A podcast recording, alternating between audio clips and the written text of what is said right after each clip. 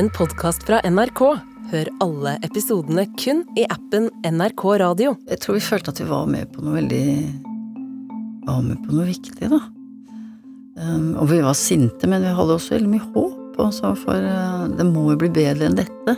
Det var en, uh, det var en veldig levende tid. Sissel Gran går rett tilbake til egen studietid når hun snakker om diktet jeg har tatt med til henne, og jeg hadde håpet at eh, hun skulle lage en slags parallell mellom den uroen diktet forteller om, og den tiden vi lever i nå, og kanskje gi oss litt trøst på veien.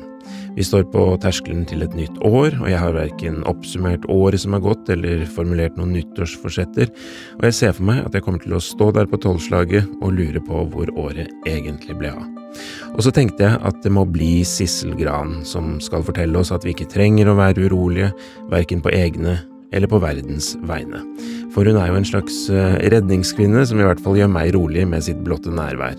Føler du at du har fått en sånn rolle? En, eh, en som redder. Ja. Som skal gjøre oss rolige? Uh, det kan kanskje hende det noen gang, jeg har ikke tenkt på det. men, uh, men, det har jo vært jobben min i mange år, og, og når folk kommer til meg at uh, jeg oppfører meg på en sånn måte og har et sånt rom, altså kontoret mitt, og at det skal være varmt og godt der, og sånn at folk klarer å tenke. fordi hvis du er veldig redd, så, så stopper det opp. Altså, da får du liksom det som mannen min kaller for gips i hjernen, og du greier ikke verken å tenke eller føle. Så mm, det handler om å roe ned. Noen, mm. Ja. Så ja, det kan nok hende at jeg driver litt med det uten å tenke over det noen ganger òg, da. Jeg prøvde å finne et dikt til deg, Sissel Gran, som uh, både handler litt om nyttårsaften, og som gir litt uh, trøst. Jeg skal være helt ærlig at jeg har sendt det til deg på, på, forhånd, så du har tatt en titt på det. Hadde du hørt eller lest det før? Ja, ja. Men det er så lenge siden, så det var veldig, veldig Det var veldig Hva skal jeg si? Det var eh, Det, hoppet liksom litt i meg da du sendte meg det, fordi mm, dette husker jeg jo veldig godt. Fra min ungdom. Ok, da er vi jo der vi skal være, og diktet jeg har valgt ble skrevet av Jan Erik Vold på slutten av 1960-tallet, og selv om presidentene har andre navn og krigssonene forflytter seg og krisene ser annerledes ut, så er det mye som føles kjent og nært i dette diktet. Nyttårsaftener som ikke lever helt opp til forventningene, opprør som føles som tomme slag i luften, og menneskenes evige lengsel etter nærhet og berøring. Så nå leser jeg dette diktet som heter Nyttårsdiktet, nærmest reprise. Nyttårsaften denne gang var ikke slik den pleier å være. Da vi merket klokken ble tolv, gikk jeg ut på kjøkkenet, noen av de andre fulgte etter. Hva snakket vi om? Husker ikke. Husker at vi før på kvelden hadde snakket om å gi ut doruller med presidentens ansikt på, en verdenseksportartikkel, men på kjøkkenet? Husker ikke, husker ikke. Så ingen raketter, hørte ingen klokker, men så var det på Nesøya, og snødde tett, det merket vi, da vi sto nede på veien og ventet på drosje noen timer senere. Hos andre jeg kjenner, feiret de det nye år ved å kalle det 68, men hos oss? De andre gikk visst etter hvert inn i stua igjen. Siri og jeg ble stående og ta på hverandre. Hun hadde sett meg i mange år, jeg henne i mange år. Hun jobber med psykotiske barn. Jeg har nå skrevet opp på døra mi, i et hjerte det faller dråper fra, med grønn filtpenn og store bokstaver. Det er håpløst, og vi gir oss ikke.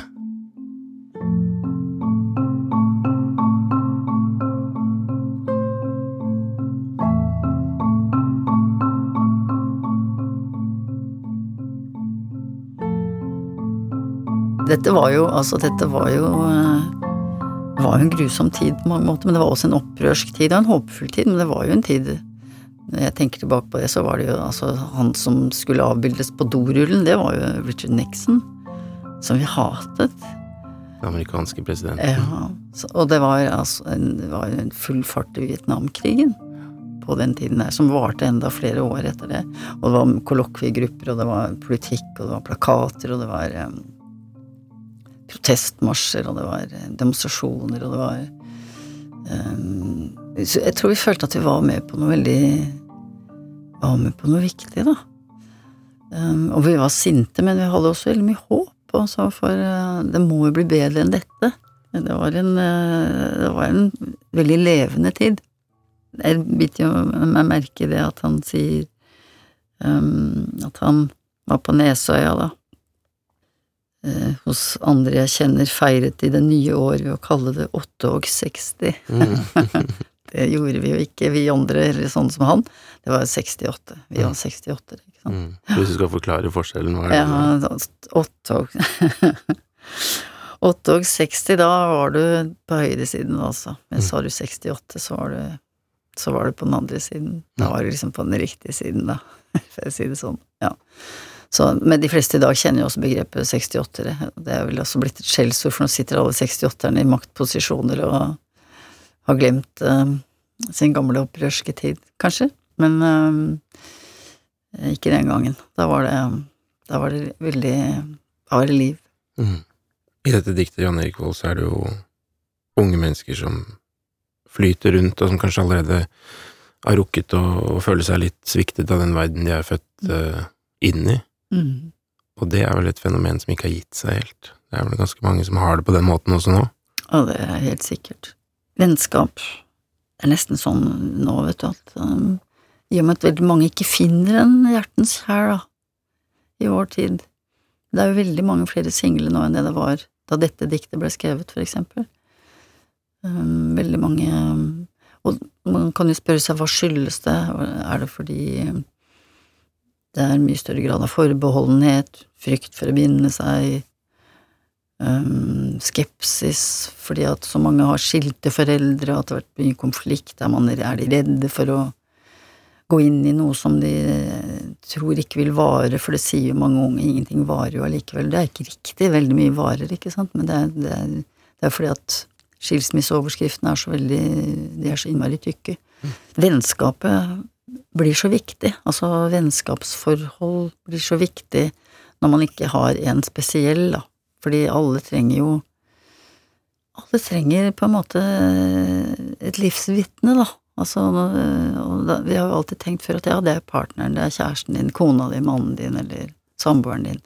Som, og hva er et livsvitne? Jo, det er en som følger med på deg, og det tenker jeg sånn i positiv forstand, altså som får deg til å liksom føle at du fins, og som ser deg, og som passer på at ditt lille liv ikke går upåaktet hen, da, i denne verden med milliarder av mennesker som du aldri kommer til å treffe, eller som aldri kommer til å bry seg om deg, så er det viktig at det iallfall er igjen.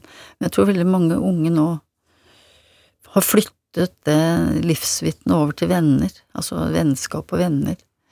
Det var klart det var sånn før også, men kanskje enda mer nå, fordi fordi man, mange er så Mange bor alene, har ikke noen partner, kjæreste, venter veldig lenge kanskje, eller tør kanskje ikke, eller finner kanskje ikke noen, og da blir jo venner utrolig viktig, altså.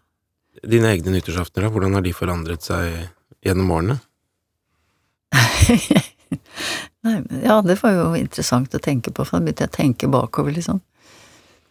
Det er de lange, gode samtalene med, med vennene som det blir mer og mer av. Altså, mye latter, deilig mat, men lange samtaler om viktige ting. Og, og ja, oppriktig kjærlighet til de gamle vennene. Um, og ja, vi, nå som vi alle begynner å bli eldre, da, i den vennegjengen, så sier vi jo til hverandre ja, vi håper vi får et år til, da. Ikke sant? Det er sånn, for nå er det litt der at uh, tiden vi har bak oss, er jo veldig mye lenger enn tiden vi har foran oss, og det er vi, det er vi klar over. Men det er noe med Jeg jobber iallfall iherdig med å akseptere alderen. Hva med ensomhet, da? Er den satt på sin spiss på nyttårsaften? Det tror jeg er helt sant. Altså, julaften er også en veldig vond dag å sitte alene på, som det er nesten sånn at vi da blir helt skrekkslagne hvis noen sier at de skal feire julaften alene, og at ikke de vil til venner eller familie, men at de vil det. Og nyttårsaften også. Altså, det er kanskje enda mer skremmende for oss. Og skremmende å tenke Jeg tenker på mange jeg kjenner som har mistet en partner, har mistet ektefelle eller blitt skilt, ikke sant, og som Um, så er barna store og skal feire på sin kant, og så sitter kanskje den personen alene der, og det, det da, vi, da får vi vondt i hjertet når vi tenker på det, for det er en, det er en kveld vi skal feire sammen med andre, altså ønske det nye året velkommen, og ikke sitte alene på nyttårsaften. Så jeg tror for mange så er det sånn at når nyttårsaften er over, så er det en lettelse, altså.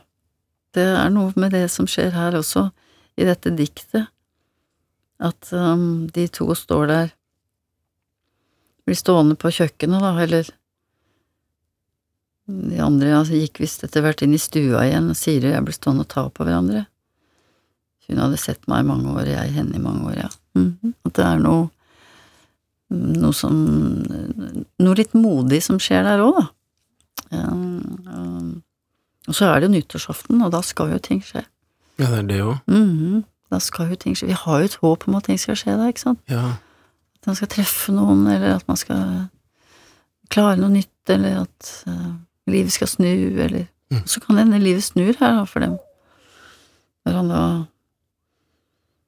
og tør å skrive på døra. Et hjerte det faller dråper fra med grønn filpen og store bokstaver, det er håpløst og vi gir oss ikke. Det er veldig fint, altså. Det er veldig fint, og dette vokser jo nå fram Altså, den situasjonen blir jo veldig tydelig for meg, den vokser og vokser ennå, og dette blir mye mer av et kjærlighetsdikt enn jeg egentlig hadde tatt inn over meg. ja, Det er jo det det er. jeg tror det er det.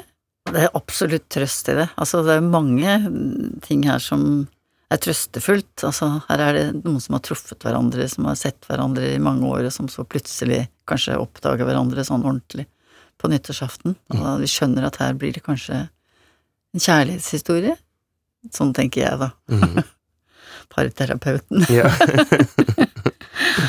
det er vel det som representerer håpet her. Absolutt, det er, det er absolutt det. Ja, jeg tror det, altså, fordi det er, noe, det er noe nedstemt i det der at han husker ikke Hva snakket vi om? Jeg husker ikke, jeg husker ikke. Ikke sant, og det Ingen raketter, ingen klokker. De andre gikk visst etter hvert inn i stua igjen, og så kommer liksom håpet.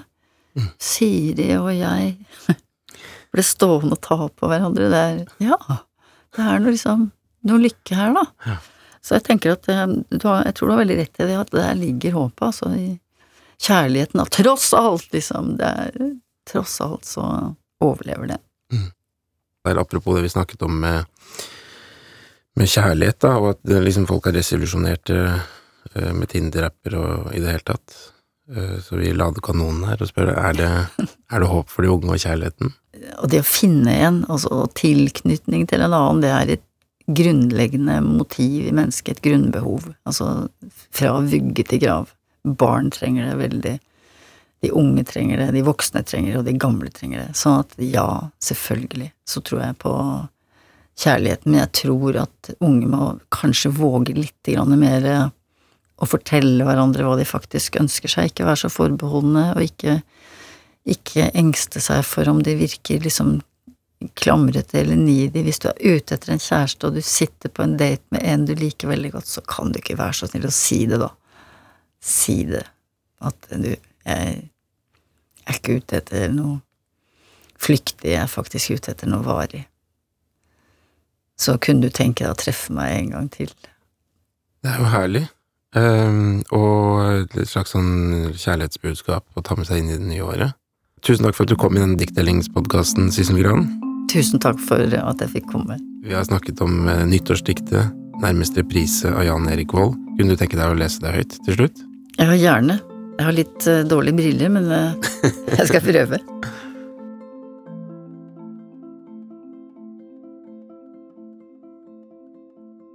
Nyttårsdiktet, nærmest reprise. Nyttårsaften denne gang var ikke slik den pleier å være. Da vi merket klokken ble tolv, gikk jeg ut på kjøkkenet, noen av de andre fulgte etter, hva snakket vi om, husker ikke. Husker at vi før på kvelden hadde snakket om å gi ut doruller med presidentens ansikt på en verdenseksportartikkel, men på kjøkkenet? Husker ikke, husker ikke. Så ingen raketter, hørte ingen klokker, men så var det på Nesøya og snødde tett, det merket vi da vi sto nede på veien og ventet på drosje noen timer senere. Hos andre jeg kjenner, feiret de det nye år ved å kalle det 68, men hos oss De andre gikk visst inn etter hvert, inn i stua igjen, Siri og jeg ble stående og ta på hverandre, hun hadde sett meg i mange år, jeg henne i mange år. Hun jobber med psykotiske barn. Jeg har nå skrevet opp på døra mi i et hjerte det faller dråper fra, med grønn filtpenn og store bokstaver, det er håpløst, og vi gir oss ikke.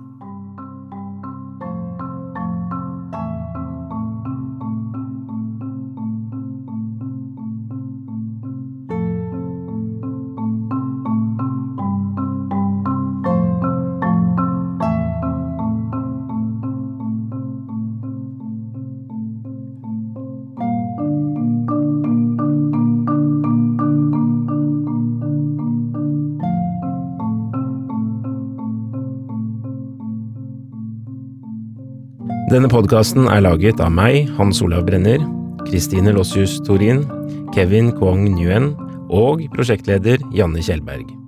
Redaksjonssjef Helle Vågland.